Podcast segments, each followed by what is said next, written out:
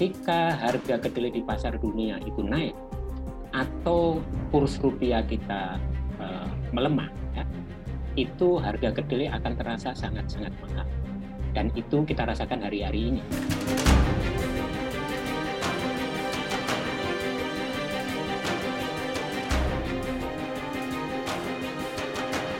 Cuman bertahan, nggak ada keuntungan lebih belum ada.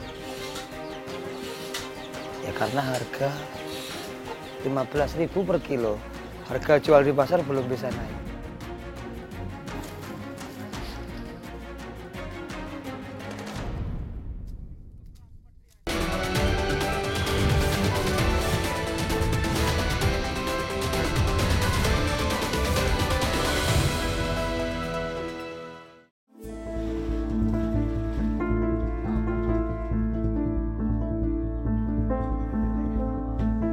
Tempe dan tahu, jajanan ringan untuk menemani kita saat bersantai yang nikmat juga diolah menjadi hidangan utama.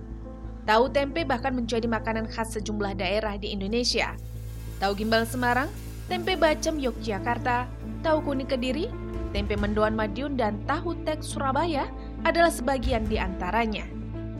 Tahu tek atau tahu petis adalah makanan khas kota Surabaya dan ini menjadi hidangan favorit warga kota Surabaya ataupun warga pendatang. Namanya juga tahu tek ya, jadi menu yang wajib atau bahan dasar yang wajib ada di sini adalah tahu.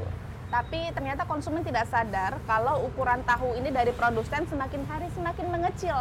Hal ini dipengaruhi oleh harga bahan baku tahu yang mengalami peningkatan cukup signifikan, yakni kedelai, karena kedelai terpengaruh oleh peningkatan harga kedelai di pasar dunia. Mengecilnya ukuran tahu dan tempe ini dikarenakan produsen tahu dan tempe tidak bisa menaikkan harga produknya, meski harga bahan bakunya melambung. Kenapa begitu? Konsumsi akhir tahu dan tempe adalah rumah tangga. Jika harga tahu tempe naik, konsumen akan beralih ke produk konsumsi yang lebih murah dan otomatis permintaan tahu tempe menurun. Karena takut kehilangan konsumen, solusi yang dipandang tepat oleh produsen adalah mengurangi ukuran.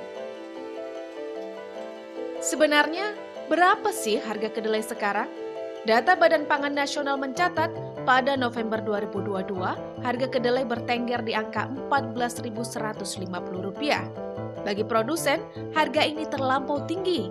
Harga yang mereka anggap wajar adalah 11 hingga Rp12.000. Lalu, apa yang membuat harga kedelai di Indonesia tinggi? Salah satu penyebab utamanya adalah 85% kedelai di Indonesia merupakan kedelai impor. Sebagai komoditas impor, mau tidak mau, kedelai harus mengikuti fluktuasi harga pasar dunia.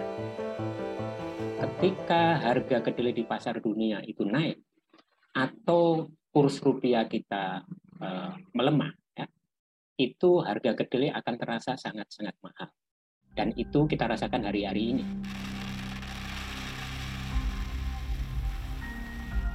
Penasaran seberapa besar impor kedelai Indonesia saat ini? Merujuk pada catatan Badan Pusat Statistik, sepanjang semester 1 2020, impor kedelai Indonesia mencapai 1,27 juta ton atau 7,65 triliun rupiah. Kedelai didatangkan dari Amerika Serikat sebanyak 1,14 juta ton sisanya dari Argentina dan Kanada. Bahkan, pada Agustus 2022, impor kedelai Indonesia sudah mencapai 2,5 juta ton.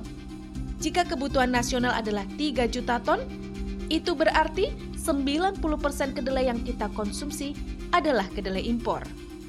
Salah satu dampak invasi Rusia ke Ukraina pada 2022 adalah perebutan pasar global atas komoditi kedelai. Ketika Tiongkok mengimpor kedelai hingga 100 juta ton, hukum ekonomi pun berlaku. Siapa yang e, menawarkan harga yang tinggi satu ya itu itu akan e, mendapatkan barang. Yang kedua, siapa yang punya daya tawar tinggi, dia akan mendapatkan barang. Nah, terhadap dua hal itu apakah kita bisa menjamin misalnya? Kalau itu tidak bisa kita pastikan, ya kita tidak akan mendapatkan kepastian. Kalau sudah begini, harga kedelai yang tinggi memaksa produsen tahu dan tempe mengurangi jumlah produksi dan pekerja. Produsen hanya mampu bertahan dengan keuntungan tipis. kondisi harga kedelai impor naik tinggi ini gimana untuk pengrajin? Ya pengrajin agak susah. Harga jual kan nggak bisa naik juga. Terus penghasilan berkurang. Kan gitu. Ada solusi, Pak? Ya solusinya cuman bisanya naikin harga sedikit-sedikit juga, ngikutin harga juga kan gitu. Berharap sih pemerintah ikut andil biar harga stabil gitu nggak naik terus. Cuman bertahan nggak ada keuntungan lebih belum ada. Ya karena harga 15.000 per kilo harga jual di pasar belum bisa naik untuk mengatasi harga kedelai yang melambung Menteri Perdagangan Zulkifli Hasan mengatakan pemerintah melalui Perum Bulog telah mengimpor kedelai dari Afrika sebanyak 350 ribu ton yang diperkirakan masuk ke Indonesia pada Januari 2023. Importasi kerap dipilih sebagai jalan keluar saat ketersediaan kedelai menipis dan harga tinggi. Komisi Pengawas Persaingan Usaha mencatat adanya dominasi importasi kedelai. Di antara 102 importer yang terdaftar, hanya dua importer yang memiliki kuota impor kedelai sangat tinggi. Salah satunya memasok 47 persen kebutuhan dalam negeri dan perusahaan kedua memasok 28 persen. Namun, KPPU belum menemukan indikasi yang mengarah pada monopoli harga oleh importir tertentu. Direktur Ekonomi KPPU Mulyawan Rana Manggala mengatakan, untuk menghindari dominasi impor dan penguasaan harga oleh importir, pemerintah bisa mengambil peran dengan memenuhi kebutuhan kedelai masyarakat dengan mencukupi stok. Dari tahun 2021 hingga 2020, September 2022 ini, memang harga kedelai itu Eh, selalu mengalami kenaikan. Hmm, tapi kembali lagi karena ini barang impor ya Mbak ya, ini kan sebagian besar kita, eh, apa, kedelai kita itu masih disuplai dari luar negeri, terutama dari Amerika. Selama ini, kedelai impor memang menguasai penjualan. Menurut pembuat tempe, kedelai impor memberikan hasil produksi lebih banyak dibanding lokal. Konsumen juga kerap mengeluhkan tingkat kebersihan kedelai lokal. Di tengah dominasi kedelai impor di pasaran, harga kedelai lokal milik petani terjun bebas hingga Rp8.000 per kilogram. Lelah merugi, petani pun meninggalkan komoditas kedelai. Hal ini tampak pada turunnya luasan lahan pertanian dari 1,6 juta hektar kini tersisa 300 ribu hektar. Dengan luas lahan yang terus berkurang, bagaimana kedelai lokal akan berjaya di Indonesia? itu kita berkurang produksinya. Kenapa? Petani dan kelompok tani kurang berminat untuk menanam kedelai.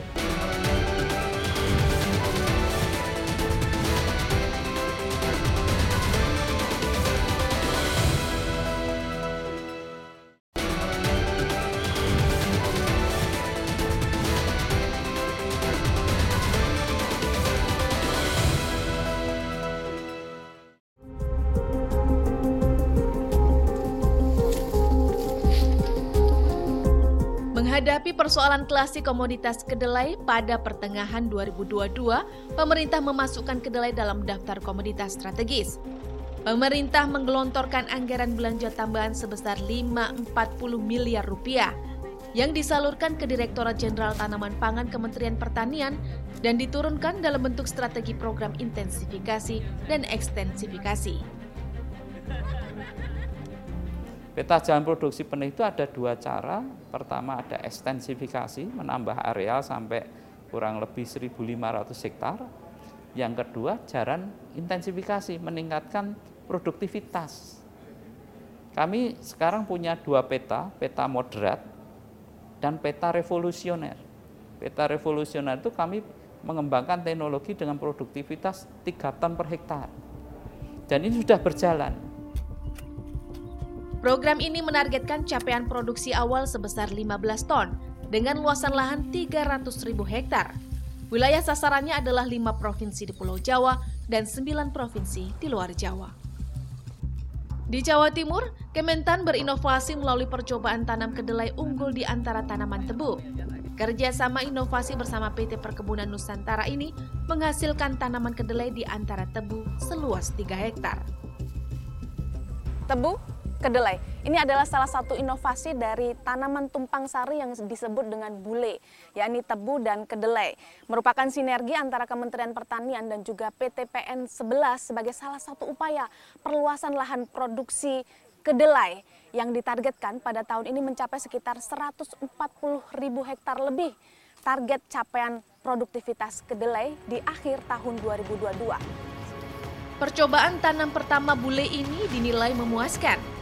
Satu hektar lahan bisa menghasilkan 1,7 sampai 2 ton dan setiap batang kedelai mampu memproduksi 70 bolong. Untuk memperluas target capaian, General Manager Pabrik Gula Jatiroto Gampil Dwi Susanto mengatakan akan bekerja sama dengan petani dan memanfaatkan lahan tebu petani untuk tanam bule. Meski demikian, Gampil tidak memungkiri adanya sejumlah kendala, salah satunya adalah cuaca. Yang yang sementara ini yang paling bagus adalah di uh, tumpang sari dengan keperasan. Dari pengalaman ini kita akan coba untuk uh, tanam kedelainya pada saat yang pas yaitu di kisaran bulan April sampai bulan Juni sehingga harapannya produksinya bisa lebih optimal lagi. Gitu. Kementerian Pertanian mengaku sudah menyiapkan skema bantuan keuangan yang meringankan petani Kementan akan menutup kebutuhan produksi kedelai petani sebesar 12 hingga 15 persen dalam bentuk benih dan pupuk. Sisa kekurangan 85 persen akan diberikan melalui kredit usaha rakyat dengan bunga 6 persen per tahun. Salah satu daerah penghasil kedelai unggul dalam negeri adalah Kabupaten Grobogan, Jawa Tengah. Luas lahan pertaniannya masih di bawah 30 ribu hektar dan kisaran hasil panen 40 ribu ton Jumlah itu hanya mampu memenuhi kebutuhan konsumsi satu produsen benih di Kerobokan dan sedikit untuk produsen tahu dan tempe. CV Sujina, produsen benih kedelai di desa Sembung Harjo, Kabupaten Kerobokan ini menyerap 70 hingga 80 persen hasil panen kedelai Kerobokan.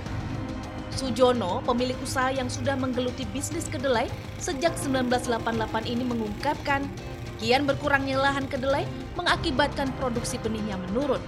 Kini ia kesulitan mendapatkan bahan baku. Kita bekerja sama dengan petani melalui kelompok taninya. Lah di situ kita berkurang produksinya. Kenapa? Petani dan kelompok tani kurang berminat untuk menanam kedelai. Awal 2022, Sujono sudah menandatangani kontrak penjualan benih kedelai di harga Rp15.000 per kilogram. Namun di luar perkiraan, harga kedelai konsumsi menembus Rp15.000 dan berimplikasi pada naiknya harga bahan baku benih kedelai. Sementara ia harus mengeluarkan biaya produksi mulai dari perawatan kedelai, pengemasan, distribusi hingga honor pekerja. Ya memang jelas gak menguntungkan ya rugi tetapi misi utama saya itu kan untuk menumbuhkan rasa minat petani itu supaya menanam kedelai kembali.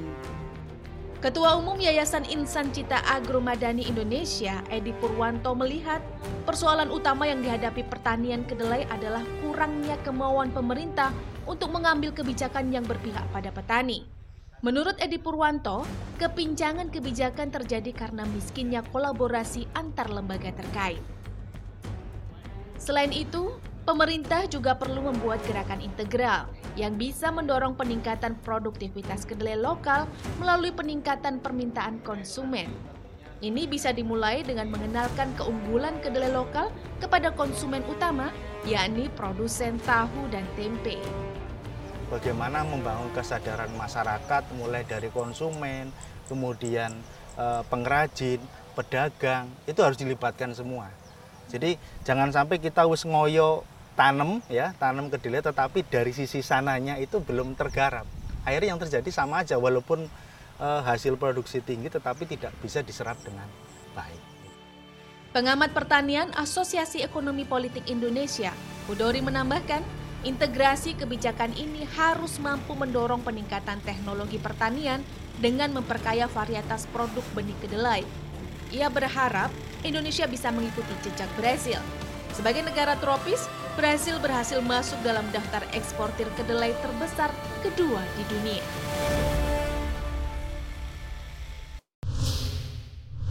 Itu kalau seharga 95 atau 10 ribu pun itu sudah hasil. sudah luar biasa. Apalagi mungkin nanti pemerintah bisa menaikkan harga 10.000, mungkin petani berbondong-bondong untuk tanam kedelai semai.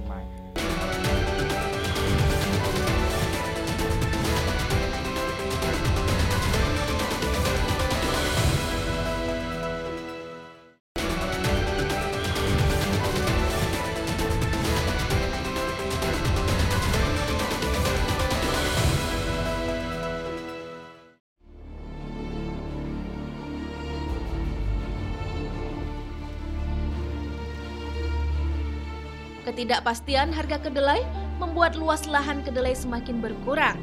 Pada 2019, lahan pertanian kedelai di Gerobokan masih seluas 60.000 hektar, tetapi kini hanya tersisa 12.000 hektar. Untuk itu, Kabupaten Gerobokan berupaya menarik minat petani kedelai dengan jaminan harga beli di tingkat produsen benih sebesar Rp10.000 per kilogram. Sunanto, Kepala Dinas Pertanian Kabupaten Gerobokan yakin dapat meningkatkan produktivitas kedelai lokal. Profitasnya itu potensi hasilnya bisa mencapai 3,6 ton per hektar. Di, di luar itu umurnya juga pendek, hanya 65 hari, kemudian bijinya besar. Jadi setiap 100 biji itu beratnya di kisaran 17-18 gram. Daya tarik lain kedelai gerobokan adalah kualitas gizinya yang diklaim lebih baik dibanding kedelai impor dan tergolong non-GMO atau tanpa rekayasa genetik. Untuk mengoptimalkan produktivitas kedelai gerobokan, dilakukan sistem tanam metuk, yakni kedelai ditanam di antara tanaman jagung saat jagung berusia 85 hingga 90 hari. Meski ditanam pada musim hujan, kedelai akan tetap bisa tumbuh optimal karena batang jagung bisa berfungsi sebagai naungan bagi kedelai yang sedang berbunga. Petani kedelai Wartoyo Abdul Aziz mengaku telah membuktikan kelebihan sistem tanam ini. Menurutnya, yang menjadi keluhan utama petani sejak lama adalah tidak adanya jaminan harga layak. Petani itu, itu kalau seharga 95 atau 10 ribu pun itu sudah hasil. Sudah luar biasa apalagi mungkin nanti pemerintah bisa menaikkan harga 10.000 mungkin petani berbondong-bondong untuk tanam kedelai semai. Berbeda dari Wartoyo, sejumlah petani di desa Pojok Kabupaten Grobogan berinovasi dengan sistem tanam tumpang sari. Barep Sri Kuncoro misalnya, salah satu petani desa Pojok yang mempraktekkan sistem kombinasi, yakni tanam kedelai hamparan dan tumpang sari. Sistem ini sudah lama dipakai oleh warga desa Pojok untuk mempermudah penjadwalan tanam antar komoditas.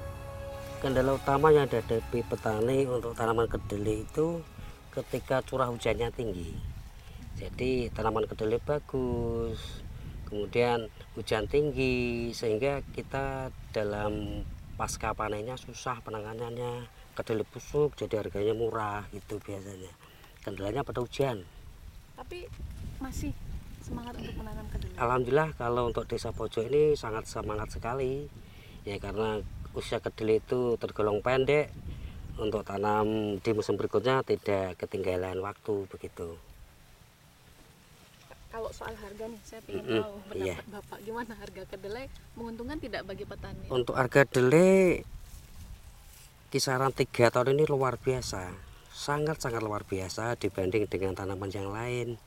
Maka ketika di tahun 2015-16 itu petani agak vakum menanam kedelai malas karena kedelai jatuh harganya murah mulai tahun 2018, 19, 20 sampai sekarang petani pojok ini semangat luar biasa dan terus bertambah luasannya apa pun metode tanam yang digunakan petani harus memiliki manajemen pasca panen yang tepat untuk memastikan agar kedelai tidak terendam banjir usai dipanen. Meski memiliki kualitas unggul dibanding impor, kedelai gerobokan belum mendapat tempat di dapur produsen tahu dan tempe. Rumah kedelai gerobokan mencoba membuktikan kualitas dengan memproduksi tahu tempe menggunakan bahan baku kedelai gerobokan. Kalau di sini pakainya kan kedelai lokal, kalau di luaran masih pakai kedelai impor. Tentunya lebih sehat pakai kedelai lokal. Ini polong dari kedelai lokal? Iya. Kalau saya lihat sih enggak nggak jauh berbeda dengan kedelai impor. Ya. Dan hasilnya secara uh, volume dia juga cukup banyak. Cukup banyak. Selain di Kabupaten Grobogan, sejumlah petani di Kabupaten Banyuwangi, Jawa Timur juga mengembangkan pertanian kedelai dengan sistem organik. Jauh hari, seorang petani kedelai mengatakan kedelai yang ia tanam kerap tidak memberi keuntungan karena saat panen tiba, harga selalu hancur. Enam tahun bereksperimen dengan beberapa jenis kedelai lokal, Jauh hari berhasil mengklasifikasikan sejumlah benih. Ini adalah lahan kedelai lokal dengan bentuk atau wujud dari tanamannya bisa dilihat tidak jauh berbeda dengan kedelai pada umumnya. Tapi hasil panennya, saya akan perlihatkan polongnya ternyata cukup besar. Jika dibandingkan dengan kedelai impor yang saat ini beredar di pasaran, polongnya nyaris sama dan saya meyakini kualitasnya juga sama. Dibandingkan dengan kedelai lokal biasa yang polongnya cukup kecil. Jauh hari tahu, Kedelai organik tidak akan menjawab kebutuhan kedelai konsumsi dalam skala besar. Ia hanya ingin mengungkapkan kedelai bukan komoditas samping yang tidak menguntungkan. Kalau dikembalikan lagi, tanam kedelai dipaksakan sekarang, posisinya nggak menguntungkan. Jadi saya mencoba yang tanam kedelai yang sekarang ini, ini bagaimana budaya tanam kedelai ini kembali dalam format yang lebih menguntungkan. Dengan hasil tanam kedelai organik yang memuaskan, Jauh Hari meyakini kedelai lokal bisa diproduksi massal dengan kualitas baik meski tidak menggunakan sistem organik. Menurutnya, yang terpenting adalah jaminan harga, berjejaring dengan produsen tahu tempe, serta membentuk koperasi bersama dan dapat mengoptimalkan bantuan kredit usaha rakyat.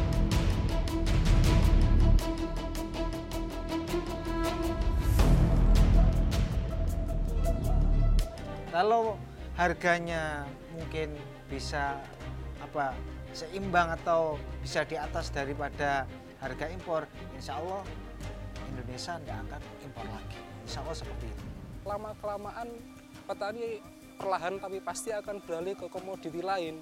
Karena kenapa ya? Karena komoditi lain yang lebih menguntungkan. Nanti dari pemerintah, gimana pemerintah nanti buat varietas jenis apa yang bisa cepat dipanen oleh petani gitu.